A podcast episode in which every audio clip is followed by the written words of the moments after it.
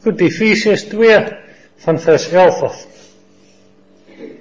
Daarom onthou dat julle wat vroeër heidene in die vlees was en onbesnedenis genoem word deur die sogenaamde besnydenis wat in die vlees met hande verrig word dat julle in die tyd sonder Christus was vervreemd van die burgerskap van Israel en vreemdelinge ten aansien van die verbonde van die belofte sonder hoop en sonder God in die wêreld Maar nou in Christus Jesus het julle wat vroeër ver was naby gekom deur die bloed van Christus, want hy is ons vrede, hy wat albei een gemaak en die middelmuur van skeiding afgebreek het, deurdat hy in sy vlees die vyandskap tot niet gemaak het, naamlik die wet van gebooie wat in insettinge bestaan, sodat hy deur vrede te maak die twee in homself tot een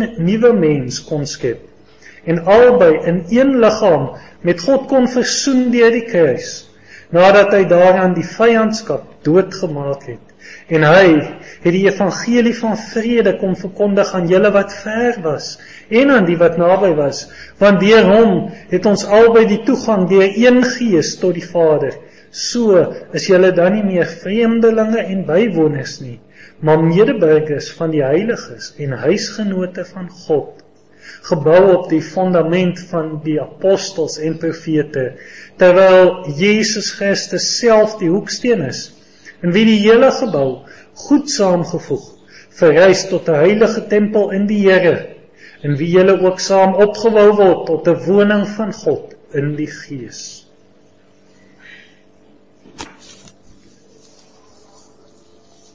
Mense dit van 'n kosbare gedeelte hierdie vir gelowiges.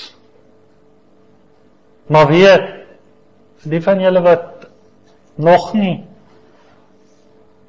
gered is nie. Hier is soveel beloftes vir jou. Soveel aansporing om jou toevlug tot Christus te neem. In Efesiërs 2 praat hy met gelowiges en hy herinner hulle aan wat hulle toestand was voor hulle tot bekering gekom het. En dit was nou veral daar in die eerste 3 verse van Efesiërs 2 waar ons laas keer na gekyk het en dan hoe God mense uit genade red, nie deur verdienste nie. Jy kan nie werk om 'n plek in die hemel te verdien nie. God gee dit as 'n geskenk. Maar dis net die wat in Christus is wat die geskenk kry. En hier herinner hy hier in vers 11 gaan hy nou weer terug na voor hulle redding. En hy herinner hulle aan nog iets van hulle toestand. So kom ons dink gou weer Die eerste gedeelte waarna te hulle herinner aan hulle doodsheid, julle was dood deur julle sonde en misdade, aan hulle verdorwenheid, aan hoe sleg hulle was. So daar het ons gewys hoe hopeloos is die mens buite Christus. Jy is sleg, jy het 'n slegte hart, jy het 'n bose hart, jy is um dood in jou sondes en misdade, jy's 'n kind van die ongehoorsaamheid, jy leef na die vlees, jy leef volgens die wêreld, jy volg die duiwel, Jy volg jou eie kop en jy's 'n kind van die toren. So daai het dit baie oor die mense eie toestand gegaan, oor die sonde in die hart. Nou hier in vers 11 en 12 praat hy nou oor wat was die toestand van die heidene voor Christus. Hy sê in vers 11: Daarom onthou dat julle wat vroeër heidene in die vlees was, en onbesnedenis genoem word deur die sogenaamde besnydenis wat in die vlees met hande verrig word. Dat julle in die tyd sonder Christus was, vervreemd van die burgerskap van Israel en vreemdelinge ten aansien van die verbonde van die belofte, sonder hoop en sonder God in die wêreld. So eers sê hy onthou. Hy sê onthou julle was heidene. Nou mense, dit geld vir ons almal. Want nie een van ons lyk vir my baie Joods nie. Ons is maar almal heidene gebore. Nie uit die geslag van Israel gebore na die vlees nie. Ons was heidene na die vlees. Nou vir die Jode van daai tyd was man heiden amper soos 'n vloekwoord. Om te sê iemand is 'n heiden. Dis soos 'n um, hond. Soos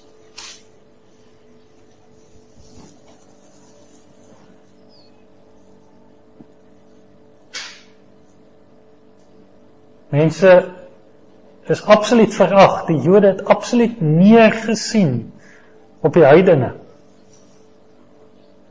So hy sê vir die mense onthou julle was heidene. Julle was nie deel van die volk van God nie. Julle was deur eenkant. Hy sê en julle is onbesnedenis genoem deur die sogenaamde besnydenis. Nou, die sogenaamde besnydenis is die Jode. Hy sê die sogenaamde besnydenis wat in die vlees met hande verrig word. Dit is die Jode. Hy sê maar julle is deur hulle onbesnedenis genoem. Die Jode het gesê daai heidene, daai onbesnedenis. Julle sal onthou hoe hoe Dawid gepraat het, die wat nou die reeks in 1 Samuel bygewoon het. Hoe Dawid gepraat het oor ehm um, Goliat, toe sê Wie is hierdie onbesnede Filistyn dat hy die slagordes van die lewende God sal uitdaag? So die feit dat die heidene onbesnede was, was vir die Jode 'n teken van daai mense ken nie vir God nie. Daai mense hulle hulle wil nie deel van God se volk wees nie. Want besnydenis was die teken daarvan om deel van God se volk te word. So sê, julle was heidene en onbesnede. Maar dan in hierdie vers wat ons gelees het, noem Paulus vir een van sy baie belangrike temas. Hy sê die sogenaamde besnydenis wat in die vlees met hande verrig word. Dat hy sê baie van daai Jode is ook maar nie besny nie. Hulle was fisies besny. Maar Paulus sê nou Romeine 2, fisiese besnydenis is nie wat saak maak nie. Die besnydenis wat saak maak is die besnydenis van die hart. Die wedergeboorte. Nou ons in ons kultuur beoefen mense nou nie eintlik besnydenis nie, maar mense het ander uiterlike tekens waarop hulle hulle beroem. Iets wat op baie plekke daardie funksie verrig is, die die doop. Ek is as baie bietjie gedoop, nou is ek deel van God se volk. Party mense sê ek het baie bediening aangesluit, nou is ek deel van God se volk. So maklik um plaas mense hulle hoop en hulle roem in iets uiterliks. En dis hoe ons mense is. Mense dis hoekom die Rooms-Katolieke Kerk en die Anglikaanse Kerk en en baie van die ander kerke, jong, die ouens het hierdie jasse, hierdie rokke, hierdie lappe wat hulle aantrek wat so indrukwekkend lyk en in die in die ortodokse kerk speel hulle sulke musiek dat die een koning het sommer gesê maar jong, ek dink ons moet by die ortodokse kerk aansluit van die musiek daar klink of jy klaar in die hemel is. En hulle bou sulke groot kathedrale met goud en silwer en pragt en paal en die wonderlikste skilderwerke alles om mense te beïndruk alles uiterlik want dis hoe die mens is. Ons hou van die uiterlike hoe dinge lyk. Ons kyk vas in die voorkoms van dinge. Baie meer eenvoudig in ons kultuur. Ja baie mense skielik as dit sondig is dan trek hy mooi aan. Trek sy pak aan en sy das of sy mooi klere. Nou gaan sit hy in die kerk nou lyk hy mooi Alles uiterlik. En die Here stel nie in die uiterlike belang nie. Hy kyk na die hart. Selfs daar in Dawid se tyd het ons dit geleer. Dawid was die 8ste seun. Toe Samuel vir Dawid se pa gesê het Isaai, maar nooi al jou kinders na die maaltyd toe. Toe Isaai nie eens aan Dawid gedink nie. Hy was klein en verag. En toe die eerste seun daar voor saam staan toe dink sy maar hierdie man, o, hy lyk groot en indrukwekkend en mooi. Hy is seker die gesalfde van die Here en die Here sê hom nee. Jy kyk na die uiterlike, maar ek kyk na die innerlike. So daai beginsel is al daar in die Ou Testament, maar in die Nuwe Testament word dit vir ons klink helder, duidelik uitgeskreeu. God soek nie fisiese tekens aan jou dat jy se kind is nie. Hy soek 'n nuwe hart in die binnekant. Dis wat jou deel maak van die volk van God. As God jou hart besny, as die Gees jou hart kom verander, daai hart wat so sy eie pad wil loop as God dit kom afsny en hy gee jou 'n nuwe hart wat vir hom volg en vir hom lief is. Dit is die ware besnydenis. Dit is die besnydenis wat saak maak. Paulus sê in Galasiërs: In Christus is nog die besnydenis of die onbesnydenis van enige nut, maar wat saak maak is 'n nuwe skepsel. Wat saak maak is dat God jou hart vernuwe, dat God jou nuut maak. Dit is die besnydenis wat tel. Dit is wat jou deel maak van die Israel van God. In die wêreld is daar baie groepe, hier in ons land is daar ook sulke groepe wat wat sê o, maar ons stam af van die 10 verlore stamme van Israel of sulke goeders. En dan dink hulle, o, dit beteken iets. Mense, dis nie waar nie en dit beteken in elk geval niks nie. Die kinders van Israel wat tel, die mense wat die ware volk van God volmaak, wat deel uitmaak van die ware volk van God is die wat se harte deur die gees van God besny is. Dit is wat saak maak, 'n nuwe skepsel. Wat saak maak is dat God jou moet nuut maak. En as jy nog nie weergebore is nie, die Here kan en net die Here kan dit vir jou doen. Net die Here kan jou nuut maak. Jy kan nie jouself red nie. Roep hom aan dat hy jou nuut maak. So hy sê onthou onthou julle wat heidene was wat onbesnedenis genoem is deur die sogenaamde besnydenis Hy sê onthou dat julle vers 12 in die tyd sonder Christus was. Die heidene het nie 'n Messias gehad nie. Die Israeliete het uitgesien na die Messias, na die Christus. Christus en Messias beteken dieselfde, dit beteken albei gesalfde. Hulle het die Jode het uitgesien na die beloofde een, na die Christus. Die heidene was sonder Christus. Nie in die sin dat 'n heiden nie tot geloof kon kom in die God van Israel en gered word nie, maar in die sin dat niemand het gebode met hulle nie. Die die belofte was aan Abraham en sy nageslag en ehm um, die heidene het eintlik geweet daarvan nie. En Die Jode het definitief nie geglo hulle moet die heidene gaan vertel van die Christus nie. Die Jode het geglo dis alles net vir hulle. So die heidene was eenkant en, en sonder Christus. Maar mense dis vandag nog waar. Vir elke mens wat nie vir Christus het nie, jy is sonder Christus. Christus is naby, So, jy sien hoe hulle toestand wat die heidene was dat dat jy nie van hom gehoor het, hy's baie naby, want jy hoor van hom, maar as jy hom nie aanneem nie, dan is jy net so sonder hom soos wat die heidene hom was. Hy wat die seun het, sê die Bybel, het die lewe. Maar as jy vir Jesus nie het nie, dan het jy nie die lewe nie. So as jy nog nie die lewe het nie, dan het jy nie vir Jesus nie, jy's sonder Christus. Verder sê vers 12 vervreemd van die burgerskap van Israel. Met ander woorde, julle was nie deel van God se volk nie. Dis wat hy vir hulle sê. Hierdie mense in Efese was besig met hulle Griekse afgode. En hulle was nie deel van God se volk nie. En net so kan jy in die kerk sit. Net so kan jy gedoop wees as 'n kind. Of as 'n groot mens.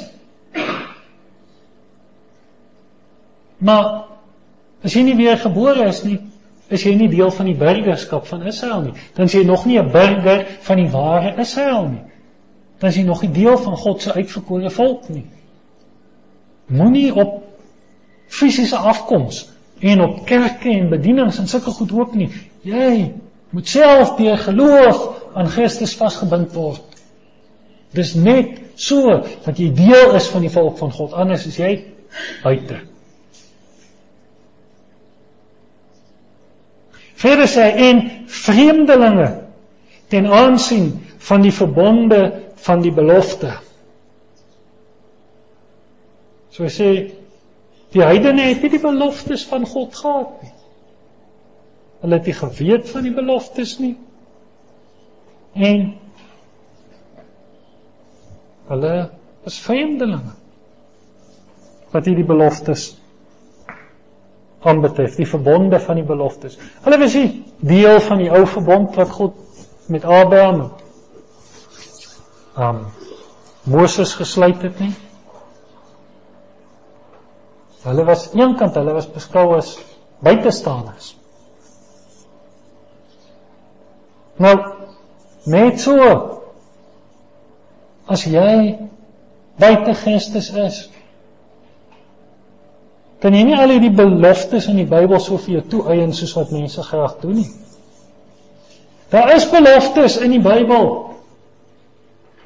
vir ongelowiges. Naamlik as jy jou bekeer tot die Here sal jy genade vind. Elkeen wat die naam van die Here aanroep sal gered word. Maar waarvan ek praat is hierdie wat mense so sê die Here is my herder, niks sal my ontbreek nie. Jy kan nie dit sê as Christus nie jou herder is nie. Daai beloftes is nie vir jou terwyl jy buite Christus staan nie. 2 Korintiërs 1 sê die beloftes is ja en amen in Christus. Soveel mense soek die beloftes, maar hulle soek nie vir Christus nie. En Christus is die groot belofte. Christus is die een oor wie die beloftes aan Abraham gegaan het. In jou nageslag sal al die nasies van die aarde geseën word. Was die groot belofte aan Abraham. Wie is daardie nageslag? Jesus, die Christus. Hy is die een in wie al die nasies geseën word en jy sal geseën word as jy in hom inkom. Dan word as jy waarlik gered word. As jy jou geloof en jou vertroue in Jesus plaas, as jy omdraai, jou bekeer en in hom glo, dan word jy in hom geplaas. En as jy in hom is, dan het jy die beloftes. Al die beloftes is ja en amen in Christus. Maar buite Christus is dit net vermetelheid en dwaasheid om al hierdie beloftes vir jouself toe te eien.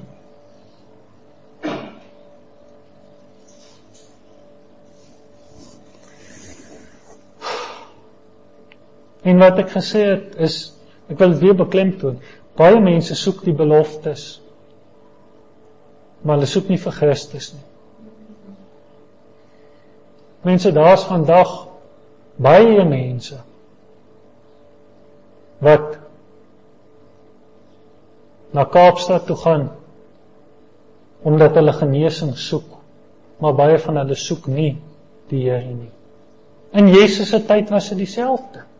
Baie mense het na Jesus toe gekom om genesing te soek. Maar hulle het nie in Jesus self belang gestel nie. En mense so is daar baie mense. Dis nie net genesing nie, as baie ander dinge. Mense soek vir Jesus vir iets, vir wat hy vir hulle gaan doen, vir die byvoordele, maar hulle wil nie vir Jesus self hê nie. Hulle wil nie voor hom buig nie, hulle wil nie aan hom oorgee nie. Hulle wil hom nie liefkry bo alles nie.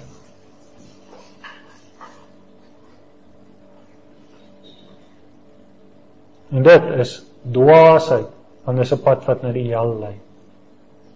Het vir Jesus nodig omdat Jesus Jesus is. En jy moet hom lief hê. omdat hy God is bo alles. Daarom moet jy hom aanbid. So, verlore mens sonder Christus, vervreemd van die burgerskap van Israel, vreemdeling ten aansien van die verbonde van die belofte en dan som hy dit so op in hierdie geweldige woorde sonder hoop en sonder God in die wêreld. Nou, eers gelowiges, luister. Die heidene wat nie die evangelie hoor nie, hierdie vers sê hulle is sonder hoop en sonder God in die wêreld. Hulle het geen hoop, geen kans om die Here te vind en die Here te dien nie, want hulle eie vertiele godsdiens wat besmet is van hulle eie sonde, sal nooit die Here behaag nie. Hulle sal nooit met hulle eie verdorwe, verdraaide verstande wat so deur die sonde die mekaar gemaak is, sal hulle nooit die ware Here soek en vind nie. God kan in 'n droom en 'n visioen aan hulle verskyn en hy bedoel hy doen dit baie keer. Maar dis enkelinge mense. God se opdrag is Die kerk moet die evangelie neem na die mense. En hulle wat nie die evangelie hoor nie is sonder hoop. Wat so hoop het hulle? Hoe gaan hulle die ewige lewe beerwe? Wat lê daar vir hulle voor behalwe die toorn van God? Mense daarom moet ons meer doen en meer bid dat die evangelie kan uitkom by die wat nog nooit gehoor het nie. Mense hulle is letterlik sonder hoop. En daar is miljoene, daar miljoene sulke mense op die aarde vandag.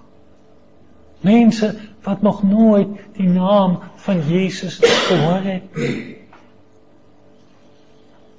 En dan weet Jesus die saak toe vertel aan die kerk. Gaan julle na die nasies het hy vir hulle gesê vir die disippels en maak die mense my disippels.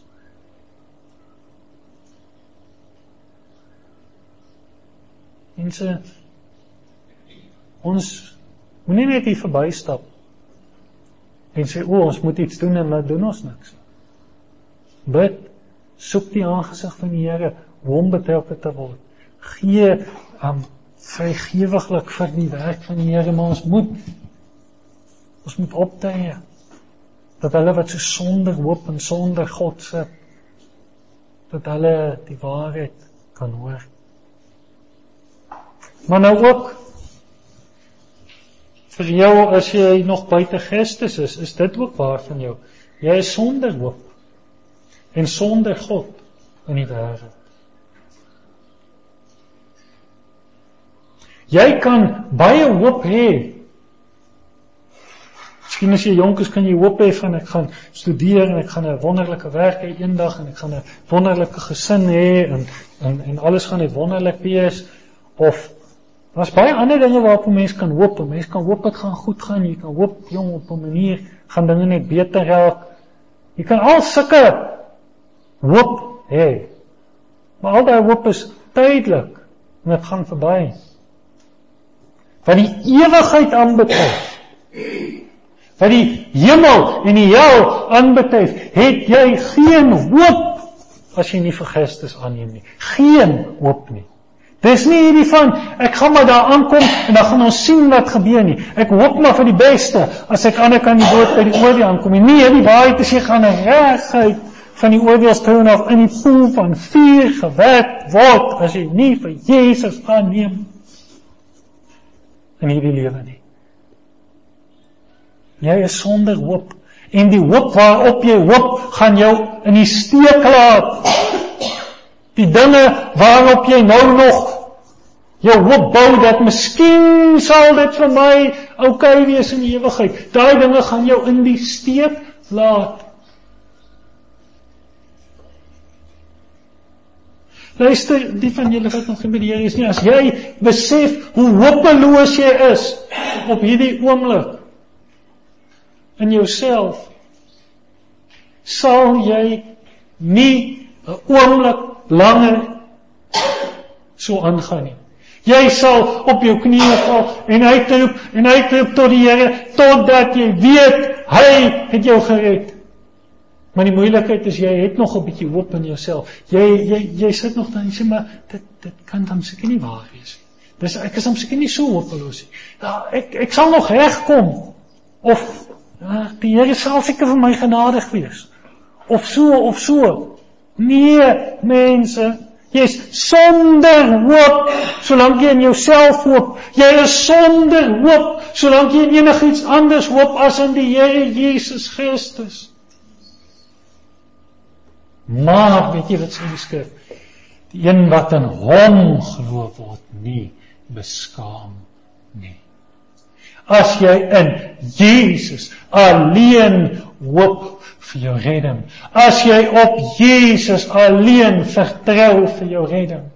As jy aan Jesus alleen vasklou en sê hy is my enigste hoop. Sy bloed is my enigste vergifnis.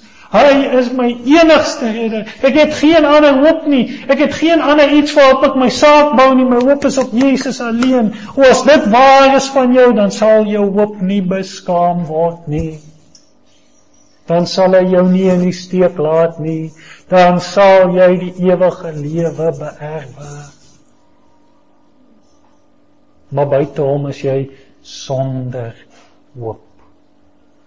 En sonder God in die wêreld. Nou kan jy sê maar die Here hoor my gebede. Die Here hoor gebede van die heidene ook. Daar's van die heidene wat goed genoeg weet van die lewende God Hulle het dalk al die prentjie heeltemal verdraai. Hulle soek hom nie, maar hulle weet van hom. En baie keer sal selfs 'n ateïst bid as hy diep genoeg in die moeilikheid is. En die Here sal hom miskien help. Die getuienis van daai Hindu man wat ek gelees het, hy het een of twee keer lank voor sy bekering toe hy in die moeilikheid was uitgeroep tot Jesus want iemand het hom gesê van Jesus en Jesus het hom gehelp. So die ware lewende God het hom gehelp, maar toe het hy maar net weer aangegaan om sy Hindu gode te aanbid. Sonder God. So jy kan weet van die lewende God. Jy kan bid tot die ware lewende God en die ware lewende God kan jou selfs help. Maar as jy nie gered is nie, is jy nog sonder God. Hy leef nie binne in jou nie, jy het nie sy lewe binne in jou nie. En hy sal eendag op die groot oordeelsdag sê ek het jou nooit geken nie. Verstaan dit net jou jou toestand buite Christus is hopeloos. Eendag het um, iemand vir Nico gekritiseer daaroor dat hy die mense mismoedig maak met sy boodskappe wanneer hy oor sonde en oordeel praat. Toe sê hy vir daardie persoon: "My doel is nie om die mense mismoedig te maak nie. Ek wil hulle heeltemal wanhoopig maak."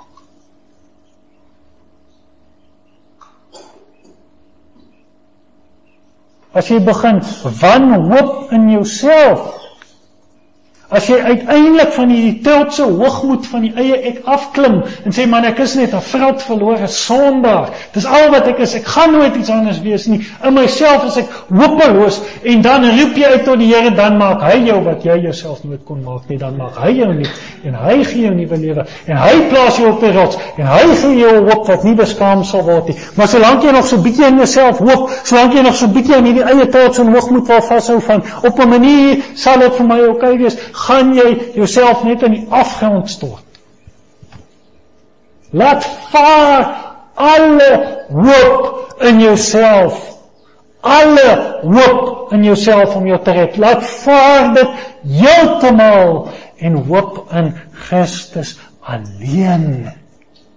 Vertrou op hom alleen kom nes jy is want hy red Hy red nie omdat jy goed is nie, hy red nie omdat jy dit verdien nie. Hy red hopelose mense en hy gee vir hulle hoop.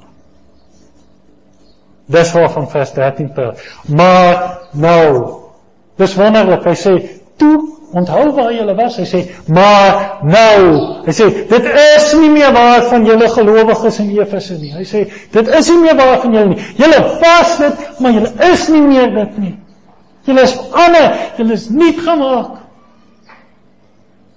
En dit wat die Here vir die mense van Efese gedoen het, het hy vir baie mense hier gedoen en dit kan hy vir jou ook doen wat nog buite staan. So wat sê hy vir die gelowiges? Hy sê maar nou in Christus Jesus het julle wat vroeër ver was naby gekom deur die bloed van Christus. Weerens in Christus Jesus. Oos ons hier hierdie Efesiërs is en jy het nog nie hierdie ding in Christus Jesus gesnap nie. Ai mense, dan was dit 'n mislukking as julle reeks 'n mislukking. Alles is in Christus, nie buite Christus nie. Nie Christus plus 'n klomp ander dingetjies nie. In Jesus, in hom alleen. Nou sê hy in Christus Jesus het julle wat vroeër ver was naby gekom. Julle was heidene, julle was ver, julle was eenkant, julle was nie deel van die volk van God nie. Maar nou het julle naby gekom. En net so is dit waar vir elkeen van ons wat gered is. Ons was ver. Ons was hopeloos. Maar nou is ons naby. En hoe naby deel gemaak van die huisgesin van God. Dis hoe naby.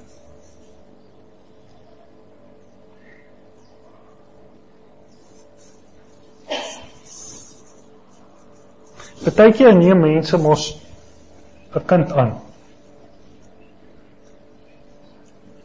Maar ons moet die beeld 'n bietjie verder vat om dit dis nog steeds 'n swak beeld, maar om dit bietjie meer te laat pas by wat die Here doen vir Sondags. Kom ons sê jy is nou hier en jy lees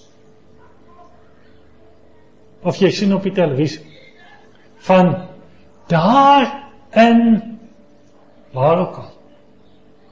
Die middel van Afrika of daar in Asië of waar ook al. Die mense van wie jy nou die minste hou. Né? Daar tussen hulle is daar 'n jong seun. Hy het sy eie ma en pa doodgemaak.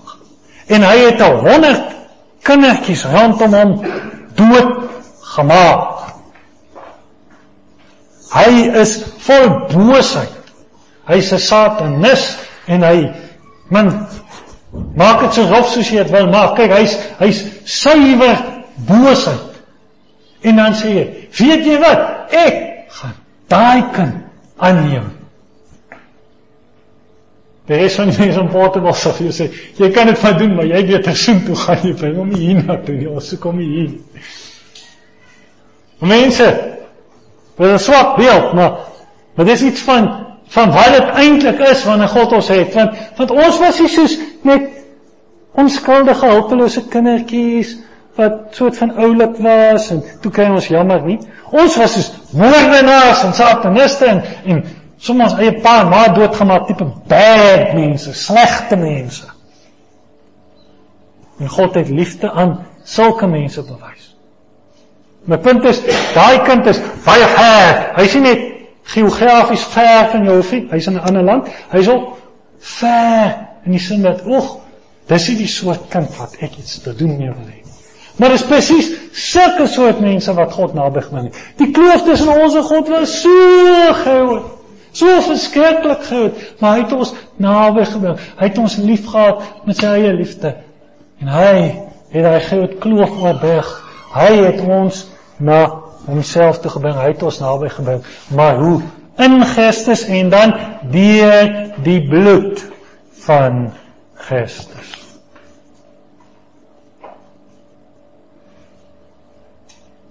Wat beteken dit? Beteken dit dat die die fisiese bloed van Jesus een of ander tou is wat jou aan God vasbind of so iets? Is is dit wat dit beteken? Nee. Dit beteken sy bloed het gevloei om te betaal vir ons sonde. Hy het sy lewe gegee as losprys om ons los te koop van die sonde en van ons skuld voor God. Sy bloed het gevloei om ons sonde weg te was. Toe hy homself geoffer het, toe hy homself gegee het as 'n offer om die straf van God weg te vat vir ons sonde, om te betaal vir ons sonde. Toe het hy ons wat ver was naby gebring. Want voor Jesus die prys betaal het, was daar 'n onmoontlike hoë muur tussen ons en God. Of daar was 'n onmoontlike diep kloof tussen ons en God. Maar toe hy daai prys betaal het, toe het hy die pad oopgemaak en het gesê elkeen wat glo. Al wat jy hoef te doen is kom glo in Christus. Dis nie meer Wat gaan jy doen om hierdie kloof te oorbrug nie? Hoe gaan jy hierdie muur tussen jou en God afbreek nie? Hy sê nee, hy het daai werk gedoen. Die pad is oop, die uitnodiging is oop, die weg is oop, die brug is gebou oor die kloof, die die gat is gemaak deur die muur. Hy sê kom net na Jesus toe. Glo in Jesus. En jy sal gered word. So, in daai opsig is die heidene naby gebring, maar die wat gered is, is naby gebring op 'n spesiale manier. Dis nie net dat jy weet van die pad nie, Dis nie net dat jy weet van die berg nie, dis dat God jou oor berg gebou het. Want ons mense is so dom as staan dat al het God die berg gebou vir almal, bly ons nog steeds aan die verkeerde kant van die berg. Ons is so dom as staan dat al het God vir ons hierdie groot gat deur die muur gemaak van sonde toe Jesus vir ons die weg voorberei deur sy eie lewe. Ons is so dom as staan en so lief vir die sonde in onsself dat ons bly aan die verkeerde kant van die muur. Maar wat God doen wanneer iemand het, is hy kom verander jou hart dat jy deur die gat gaan, dat jy oor die brug loop, dat jy na Jesus toe kom. Dat jy gered word. Nie sê dit is God het ons fisies naby gebring. Terwyl ons nog steeds nie wou naby kom nie. Terwyl ons nog steeds weggehardloop het, het hy ons naby gebring. Mense wat wonder ons was ver, verloor in ons sonde en hy het ons naby gebring. Die van ons wat gered is, het hy deel van sy eie huisgesin gemaak. Maar vir jou wat ongered is, herinner u die woord ook, hy het naby gekom, verlossing het naby gekom, die redder het naby gekom. Jy moet hom aanneem, want anders gaan jy eendag verder verwerp word as wat jy nou is. Baie verder gaan jy uitgegooi word. So die genade van die Here, maar nou in Christus Jesus het julle wat vroeër ver was, naby gekom deur die bloed van Jesus. Nou sê hy, want hy is ons vrede. Hy wat albei een gemaak en die middelmuur van skeiding afgebreek het. Wie is ons vrede? Jesus.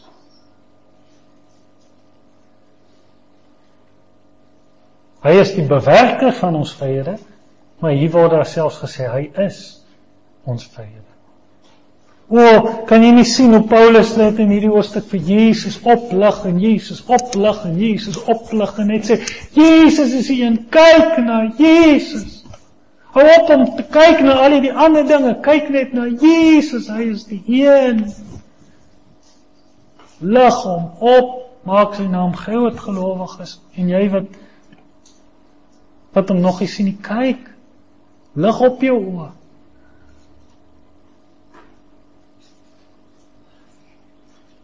Hy is ons vrede. Hy is die een wat vir ons vrede met God gee. Jesaja sê hy is deurboor ter wille van ons oortredinge. Ter wille van ons ongeregtighede is hy verbrysel en die straf wat vir ons die vrede aanbring was op hom. Hy is gestraf. Hy het die straf van God vir ons sonde gedra sodat ons met God vrede kan hê. Ons het nie van nature vrede met God nie. Van nature is ons in vyandskap met God. Is ons in woeling en stryd met God. Is ons besig om teen veg te, teen God te veg en te beklei en ongehoorsaam te wees en ons eie onherdoumse ding te doen. Van nature het ons nie vrede met God nie. Mense, en dis hoekom daar so baie selfmoord en mal mense en pille in die wêreld is want mense het nie vrede met God nie. En nou het hulle ook nie vrede met ander mense nie. Hulle het nie vrede met hulle self nie. Dit alles kom van hierdie sonde, van hierdie onvrede wat in hulle leef. En die antwoord is nie pille en gaan na 'n sielkundige en al hierdie slim planne nie. Die antwoord is vertrou op Christus, want hy is ons vrede. Nog 'n sin waarin Jesus vir ons vrede is, is in die die feit dat sy werk voltooi en volmaak is. Wanneer mens jouself probeer red, en miskien sal baie van julle baie goed verstaan wat ek nou sê. Wanneer mens jouself probeer red, is daar nooit vrede nie. Daar's altyd hierdie jong, is ek goed genoeg? Het ek hard genoeg probeer? Het ek genoeg gebid? Jong, het ek genoeg gedoen? Solank dit jou eie meriete is, solank dit jou eie werke is waarop jy hoop, is daar altyd ooh, hierdie onrustigheid. Maar wanneer jy vertrou op Christus is, kan jy vrede hê, wetende hy het alles gedoen wat nodig is. Daar kan niks bygevoeg word by sy werk nie. Hy het die prys volledig betaal. En daarom wanneer mense hoop in Christus is, dan is daar rus. Ons het gesing van vreugde en rus of so iets in een van die liedere. Daar's rus, daar's vrede met God, want God is nie meer my vyand nie. Hy het my sonde skuld weggevat en hy dink nie meer aan my sondes en oortreding nie. Daar's nou vrede. Hy het vrede verklaar, hy het vrede gemaak en daarom het ek vrede met God. Maar net as jy in Christus is, want hy is ons vrede. As jy vir Jesus verwerp, verwerp jy die vrede met God. So eenvoudig is dit want hy is ons vrede. Hy wat albei een gemaak in die middelmuur van skeiding afgebreek het. Deurdat hy in sy vlees die vyandskap tot niet gemaak het, naamlik die wet van gebooie wat in insettinge bestaan, sodat hy die vrede te maak die twee in homself tot een nuwe mens kon skep. So. Die middelmuur van skeiding tussen die Jood en die heidene het God afgebreek, maar belangriker, die middelmuur van skeiding tussen ons en God het Jesus afgebreek. Deurdat hy in sy vlees die vyandskap tot niet gemaak het. So daar is 'n vyand. En die vyandskap is nie die Jode wat nie van die heidene hou nie. Die vyandskap is vers 15 naamlik die wet van die gebooie wat in insettinge bestaan. God se wet is jou vyand. As jy nog buite Christus is, moet jy weet jy het 'n gedigte vyand. Nie net die duiwel nie, daar's 'n ander vyand wat jy het. Die wet. Want die wet van God, daai een wat sê jy moet jou naaste lief hê soos jouself. Daai een wat sê jy moet die Here jou God lief hê met jou hele hart, al jou siel, al jou krag en al jou verstand. Daai een wat sê moenie regbuig nie, moenie lieg nie, moenie steel nie. Moenie hoogmoedig wees nie. Daardie wet getuig teen jou dat jy hom gebreek het. En nie een of twee keer nie, baie kere. Die wet, die wet sê jy's 'n sondaar, jy's 'n wetbreker. Ons elkeen staan skuldig voor die wet. Maar Christus het daai skuld betaal. Hy het die aanklag van die wet teen ons kom wegvat deur self vir ons oortreding, vir ons sonde aan die kruis te sterf. As die wet na jou kyk, dan sê die wet, jy moet sterf. Want jy is 'n sondaar. Jy het die wet gebreek. En daar's net een straf, dis die dood. Die wet sê jy moet sterf. Ja. Christus het gesterf in jou plek om daardie aanklag van die wet teen jou te dra. Om daai vyandskap van die wet teenoor jou weg te vat. Sodat as jy in Christus glo, die wet nie meer aanklag teen jou het nie. Maar dat die wet eerder sê daai en vertrou nou in die enigste een wat my gehou het. Daai en so op is nou in Christus. So, die wet gaan teen jou getuig op die oordeelsdag tensy jy vir Christus aanneem. Maar Christus het daai vyandskap, daai wet wat ons gebreek het, daai swaard wat oor jou kop hang. Verstaan dit vandag. As jy nog ongered is, dan hang daar 'n swaard oor jou kop, die swaard van God se regverdige oordeel oor die wettebrekers.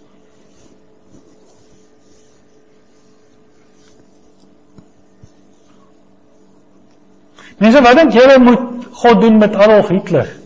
Moet God hom 'n plek in die hemel gee of moet God hom in die hel gooi? Waar hoort iemand soos Adolf Hitler? Of miskien een van hierdie manne haai verwoed of een van daai apartheidsmanne. Waar dink jy? Jy sê vir jouself, maar natuurlik man, hulle hoort in die hel. Maar jy hoort ook daar saam met hulle. Ons almal hoort daar. Daar's 'n swaard wat oor jou kop hang. God sal die sonde nie ongestraf laat nie. Daar's 'n wet wat teen jou getuig. Baie baie gebooie is al baie keer gebreek deur daardie persoon. Maar daar's 'n kruis waar Jesus daardie straf van God vir ons gedra het sodat die wet nie meer die gelowiges aankla nie. En dis al hoe jy van daai swaard wat oor jou kop hang kan wegkom. Moenie dink jy kan die wet hou nie. Moenie dink jy kan self 'n plan maak om daai swaard weg te kry nie. Jy moet na Jesus toe kom. Want die swaard het klaar op hom geval. Sodat elkeen wat in hom glo nie gestraf hoef te word nie. So hy het die vyandskap in sy vlees tot niet gemaak. Hy het fisies met sy eie liggaam aan die kruis gehang en so het hy die wet se vyandskap teen ons weggevat. Sodat hy die vrede te maak, die twee in homself tot een nuwe mens kon skep.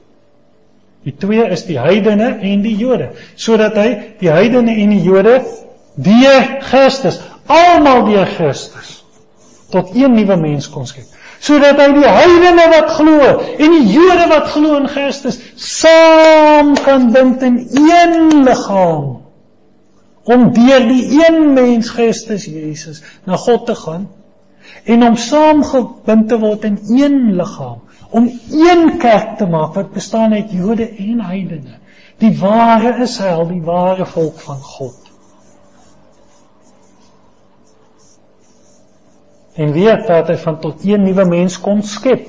Herskepping, dis weer 'n geboorte daai. Jy het nodig om oorgemaak te word. God maak nie slegte mense beter nie. Hy maak sondaars nuut.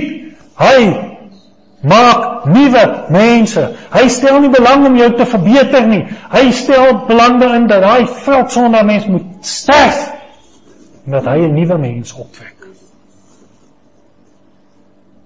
En dis wat hy doen. Hy gee nuwe lewe. Hy maak mense nuut. Hy sê in vers 16 en albei in een liggaam met God kon versoen deur die kruis. Ons het meestal al daaroor gepraat. Versoen beteken vrede maak. Beteken vyande het nou vrede. God het ons versoen deur die kruis. Want daar in die kruis het Jesus die straf vir ons gedra. So almal wat in Jesus glo, is deur Christus en deur sy kruiswerk met God versoen. Sê vers 16 ook nadat hy daarin die vyandskap doodgemaak het. Mense, hy het die vyandskap doodgemaak. Hy het uitgeroep dit is volbring en dit was werklik volbring. Hy het die volle straf van die wet volledig gedra namens ons het die vyandskap doodgemaak. Dis nie dat hy die vyandskap minder gemaak het nie. Dis nie dat Jesus vir 99% van jou sonde betaal het en gesê het, nou moet jy net so so mooi leef en, en dan net sorg dat jy nie te erg is nie. Of ek het gesterf en, en ek betaal vir die vir die hoerery en die moord en en daai goedes, maar oppas nou, jy moenie lieg nie want die lieg is is uitgesluit. Niks daarvan. Niks daarvan nie. Hy het die vyandskap tot niet gemaak. Hy het dit doodgemaak. Hy het die volle prys betaal. Hy het die volle straf van God vir ons gedra. Sodat as ons in Christus het, het ons is ons volkome met God versoen. Ons het volkome vrede met God. Daar's geen vyandskap meer nie. Hy het die vyandskap doodgemaak, vir en weer, daarmee afgehandel aan die kruis. En hy die evangelie van vrede kom verkondig aan julle wat ver was en aan die wat naby was. Naby hier beteken die Jode, ver beteken die heidene. Hy sê hy die evangelie vir almal kom verkondig. Mense, daar's nie 'n uh, um, 'n ander pad van redding vir die Jode as vir die heidene nie. Dit geld vir almal, geld vir alle mense. Bekeer jou en glo in die Here Jesus en jy sal gered word. Dis die enigste pad van redding. En enige ou wat iets anders verkondig is, hy dwaal man. Jesus is die enigste redder vir Jood en vir heiden. Hy's jou enigste hoop op redding. Maar hy verkondig die evangelie van vrede. Die goeie nuus van vrede. God wat vrede gemaak het aan die kruis. En God wat vir die wêreld sê, glo in Jesus en jy sal vrede hê met my. Jy is vyand van God deur jou sonde. Ons was almal vyand van God deur ons sonde, maar ons het die evangelie van vrede gehoor die goeie nuus dat God nie ons sonde aan ons toereken nie. Die goeie nuus dat God al jou sonde sal vergeet, al jou sonde sal afskryf. Nou vergeet is nie 'n mooi woord nie, maar hy sal nie meer daaraan dink nie. Hy sal dit afskryf. Hy sal dit afhandel daarmee. Hy sal dit nie meer teen jou hou nie. Glad nie. Hy gee volkomme vrede, volkomme vergifnis, volkomme vryspraak deur sy seun Jesus. En die evangelie het tot jou ook gekom. So dit wat waar was vir hulle, is waar vir jou ook. Jy het die evangelie van vrede gehoor. Mense, ons is almal baie bevoorreg om die evangelie te kon gehoor het, want as baie mense wat nooit hierdie woord van vrede hoor nie. Baie mense wat hulle lewe lank in kerke sit en nooit hierdie boodskap van vrede hoor nie. Maar Jy wat hom nog nie aangeneem het nie, moenie hierdie boodskap verwerp nie. Dit's volkomme vrede, volkomme vergifnis. Jy hoef nie te werk af vir dit. Dit is 'n geskenk. Dit is 'n geskenk. Dis 'n evangelie.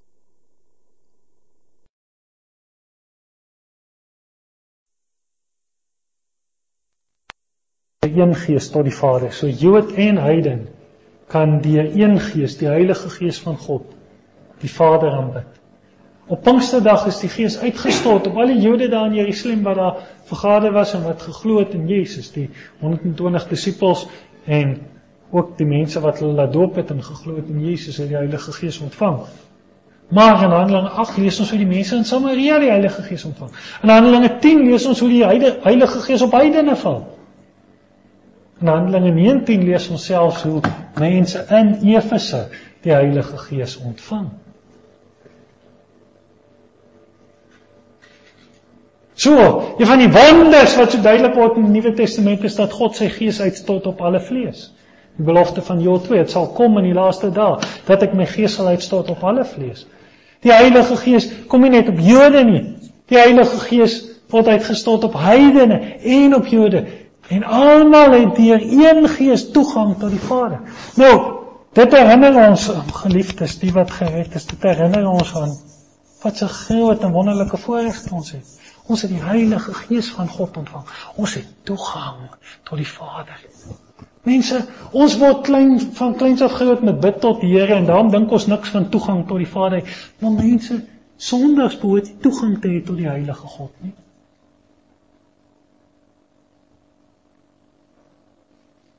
Sondags behoort glad geen toegang te hê tot die Heilige God nie. Ons het onsself ver afgeskryf van God af met ons boosheid. Maar hy het ons vrye toegang gegee. Hy het ons laat naby kom en, en ons mag tot hom bid. Hy hoor ons. Ons kan tot hom nader, ons kan op sy skoot kom sit. Ons het vrye toegang tot hom. Deur die Heilige Gees. Deur die derde persoon van die goddelike drie-eenheid wat kom woon in gelowiges. Mense, hoe bevoorreg is ons? Dis 'n groot en wonderlike saak om gered te wees. Maar weer ons kan en ons moet bid vir die volheid van die Gees dat hierdie dinge vir ons realiteit is, dat ons besef hoe bevoorreg is ons. Mense, as ons hierdie dinge van Efesiërs 2 regtig besef, moet ons eintlik altyd Hoe sê hulle twee voet in die lug te loop? Ons moet altyd te dans. Die mens moet altyd te dink, daai een is verlief. Daai een iemand nie so moet want kyk hoe gelukkig is daai persoon. Mense, ons is so bevoorreg, ons is so geseënd in Christus. Ons behoort te borrel. So bid dat die Gees hierdie dinge in jou meer werklik sal maak. Dink oor oor hierdie dinge. Verlustig jy aan God se reddingswerk dan herinner ons weer, so is julle dan nie meer vreemdelinge en bywoners nie, maar medeburgers van die heiliges en huisgenote van God. Deel gemaak van God se eie huisgesin, deel gemaak van die heilige God, die heilige volk van God. Vreemdelinge en bywoners is jy nie meer nie. Nie meer soos die slawe wat Israel gehad het of soos die heidene wat daar ver was of die mense wat maar net hier kon kom woon maar hulle kon nie regtig deel word nie. Hy sê nee, nou is julle waarlik volledig deel van die heilige volk van God. Medeburgers van die heiliges en deel van die huisgesin van God. Och, mense. Nou baie keer per die Bybel van vreemdelinge en bywoners in 'n goeie sin. Hier praat hy daarvan in 'n slegte sin, né? Julle was vreemdelinge en bywoners ten opsigte van God, ten opsigte van die volk van God. Maar Petrus sê julle is vreemdelinge en bywoners in die wêreld. So die beeld word baie keer positief gebruik en die beeld word baie keer negatief gebruik. Maar let net hierop. As jy nie 'n vreemdeling in die wêreld is nie, is jy 'n vreemdeling by God. En as jy 'n vreemdeling in die wêreld is, dan is jy deel van die huisgenoot van God. As jy in Jesus glo in die wêreld kan sien, hè, hierdie oues is soos ons. Dis 'n goeie teken dat jy aan die Here behoort. Maar as jy net die wêreld lyk, dan is jy maar nog 'n vreemdeling by God. Maar herinner ons, ons wat vreemdelinge was, bybonus was, ons is nou deel van God se eie huisgesin gemaak. Hy sê gebou vas 20 op die fondament van die apostels en profete. O nou dis 'n ding waaroor gedwaal word vandag. Daar's ouens wat sê die vyfvoudige bediening en dan die apostels en profete in die eerste plek en, en nou in die laaste dae um rig God nou weer apostels en profete op en hulle is die fondament van die kerk. Met ander woorde, jy moet jou geloof bou op wat die apostels sê en wat die profete sê. Um waarskynlik is die ou en die nuwe apostelkerke ook lief vir hierdie vers. Gebou op die fondament van die apostels. Maar maar wat beteken dit die fondament van die apostels en die profete? Beteken verwys hy hier na na hierdie mense van vandag wat wat kom staan en vir jou sê, "O, oh, die Here het so 'n wonderlike plan vir jou lewe. O, oh, ek kan sien die Here gaan jou so kragtig gebruik." Verwys hy na daai soort profete? Nee. Gebou op die fondament van die apostels en profete. Die apostels Dis die Nuwe Testamentiese ouens wat die waarheid van God verkondig het. Dis die 12 wat deur God uitgekies is om sy boodskap aan die wêreld bekend te maak. En Jesus het vir hulle gesê ek gee aan julle die sleutels van die hemel of wat was dit wat hy gesê. As julle toesluit, sal dit in die hemel toegesluit wees en dit wat julle op aarde oopsluit sal in die hemel opgesluit wees. God het nie daai mag vir enige ou gegee wat hom verbeel hy daai mag nie. God het dit vir sy apostels gegee. Daai apostels het die waarheid verkondig, het die waarheid gedefinieer waarop die kerk gebou is. Hulle lering, die leer van die apostels, die leer van die 12 apostels van die lam, dis die fondament van die kerk. So dis nie hulle self wat die fondament is nie, dis hulle lering, dis die evangelie wat God aan hulle toevertrou het. Die boodskap van Jesus, dis die fondament van die kerk, net so die profete. Van die boodskap wat die apostels verkondig het, is al in die Ou Testament deur die profete geprofeteer. Alhoewel dit nog nie so duidelik en so helder was nie, het God het baie van die evangelie in die Ou Testament verklaar deur die profete. Hulle kon nie alles verstaan nie, hulle kon nie alles bymekaar bring nie, maar toe Jesus kom, toe vervul hy daai profeseë. So die evangelie wat deur die apostels verkondig word, is die evangelie wat deur die profete geprofeteer is.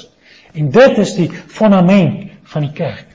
So dis die boodskap van die apostels en die profete wat die fondament van die kerk is. Met Christus self, hy sê vers 20, terwyl Jesus Christus self die hoeksteen is. Nou die hoeksteen is daai steen wat in die in die hoek gelê is waarvan alles gebou is. Dis eintlik waarop alles rus. Dit is die werklike fondament. Jesus self is die hoeksteen. Die apostels en die profete getuig van Jesus. Hulle lering is die lering van Jesus. Maar Jesus self is die hoeksteen. Moenie jou hoop op 'n mens bou nie. Bou jou hoop op Jesus alleen. Hy is die hoeksteen. En dan sê hy in vers 21 in wie die hele gebou goed saamgevoeg verhuis tot 'n heilige tempel in die Here. So, God is besig om 'n gebou te bou. Hy sê hierdie gebou word goed gebou. Hierdie gebou is goed saamgevoeg. En hy verhuis tot 'n heilige tempel in die Here. Tempel is die plek waar God woon. So God is besig om 'n gebou te bou waarin hy woon. En hy bou die gebou goed. En as hy jou in hierdie gebou gevoeg het, sal jy werklik daar gevoeg wees. Hy Hy gooi nie die stene so los in die gebou in nie. Hy voeg dit goed saam. Die werk wat hy doen is goed en die werk wat hy begin, maak hy klaar. En let op as hy sê terwyl Christus Jesus self die hoeksteen is in wie die hele gebou. Weereens Christus is die hoeksteen, maar die hele gebou word ook in hom opgebou. So hy's nie net die belangrikste steen in die gebou nie, dit is hy. Hy's die eersgeborene van baie broers, dit is hy, maar hy's op die een in wie elke steen gebou word. Weereens mense, in Christus is die lewe. In Christus is heilig. Alles gaan oor Christus. Nou, in hom word die hele gebou goed saamgevoeg. Uh verrys die hele gebou tot 'n heilige tempel in die Here tot 'n woonplek van God. En wat is hierdie gebou? Wel, vers 22 en wie julle ook saam opgebou word tot 'n woning van God in die Gees. Die gebou is die kerk. Nie 'n fisiese kerk wat met bakstene gebou word nie, die ware kerk van God, die ware Israel, die heilige burgers van God se koninkryk. Dit is die kerk waar God steen vir steen invoeg En elke mens wat gered is, word saam opgebou in hierdie kerk. Elke mens wat tot heiding kom is nog 'n lewende steen wat in hierdie gebou ingevoeg word. En wat saam opgebou word tot 'n woning van God in die Gees. Tot 'n plek waar God deur sy Gees in mense woon. Dis die wonder van die evangelie. Nie net maak God jou deel van sy huisgesin nie, hy maak jou 'n deel van sy huis. Hy kom woon in jou. Jy word deel van die huis van God. Jy's nie net 'n huisgenoot van God nie, aan die ander kant is jy ook 'n woonplek van God. Mense, dis wonderbaar dat die Here deur sy gees kom woon in mense.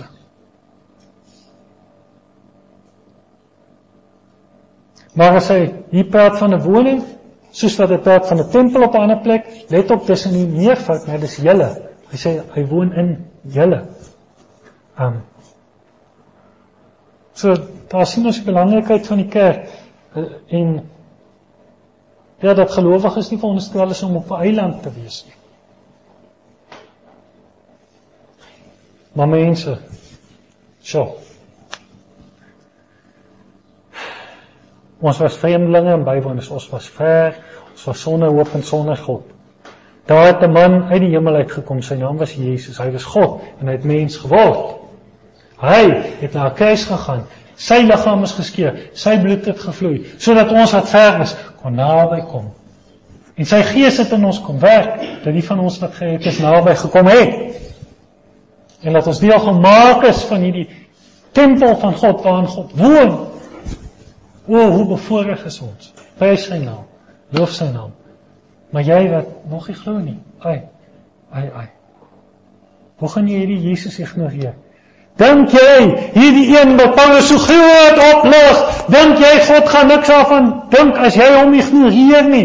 Dink jy God gaan niks daarvan dink as jy hom een kant toe skuif? As jy as ander dinge vir jou belangriker is as hierdie Jesus. Mense, die engele sing oor hierdie Jesus. Hierdie hierdie Efesiërs wil eintlik net ontplof in 'n lofsang oor hierdie groot Here Jesus Christus en dan gaan jy aan met allerlei sulke ander dingetjies. Ai ai ai sien hom raak. Hy's groot bo almal soos ons gesing het. Hy's magtig om jou te red. Hy is groter as jou probleme. Hy kan jou verlos. Hy kan jou nuut maak. En niks op hierdie aarde kan vergelyk met hom nie. Niks van jy wil vashou kan vergelyk met hom.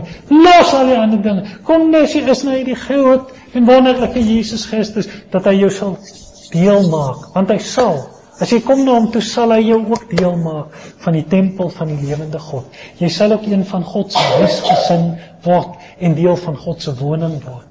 O mense, wat 'n voorreg, wat 'n voorreg om die lewende God te kan ken. Hy sal al jou sonde in 'n oomblik afskryf. Hy sal daar nie meer dink nie. Hy sal vir jou 'n plek in sy huisgesin gee. Hy sal in jou kom woon deur sy gees. Hy sal jou 'n nuwe mens maak. Jy sal toegang hê tot die lewende God. O mense, wat 'n kosbare voorreg. Moenie buite bly nie. Kom na Jesus toe. Jy is hopeloos in jouself. Jy is sonder hoop en sonder God in hierdie wêreld. Jy's 'n vreemdeling van sy beloftes. Jy jy jy's hopeloos buite Christus. Maar in 'n oomblik kan jy gered word, want hy het naby gekom. Die redder is hier. Roep hom aan, elkeen wat die naam van die Here aanroep, sal gered word. Moet dan nie uitstel nie. As jy nie vrede het met God nie, kom na Jesus toe want hy is ons vrede. As jy met kom praat, kom praat. Regtig mense, ek wil help. Die susters wil help. Kom praat as jy weet jy's nog nie by die Here nie. Mos kan jy nie red nie. Jesus is die redder. Dit gaan alles oor hom. Nie oor die kerk nie. Jesus, Jesus, Jesus, roep hom aan. Neem hom aan. Soek hom tot hom gevind het en jy sal lewe. Maar regtig, moenie uitstel nie. Party van julle wat nou so baie keer gehoor het, wat moet ek nog sê? Hoe moet ek jouself nog veel uitlei? Wat is nou nog onduidelik? Jesus is die een, kom net na hom toe. Val net aan sy voete, smeek hom om genade. Hoop net in hom. Jy sal leef, jy sal gered word. Moenie nog uitstel nie. Maak vandag die dag dat jy omdraai. Dat jy vir Jesus aanneem. Hy's vol liefde en genade. Hy verkondig 'n evangelie van vrede van God se goedheid en guns. Kom, kom na Jesus toe. Moenie uitstel nie. Gee oor net daar waar jy is dat jy gered kan word.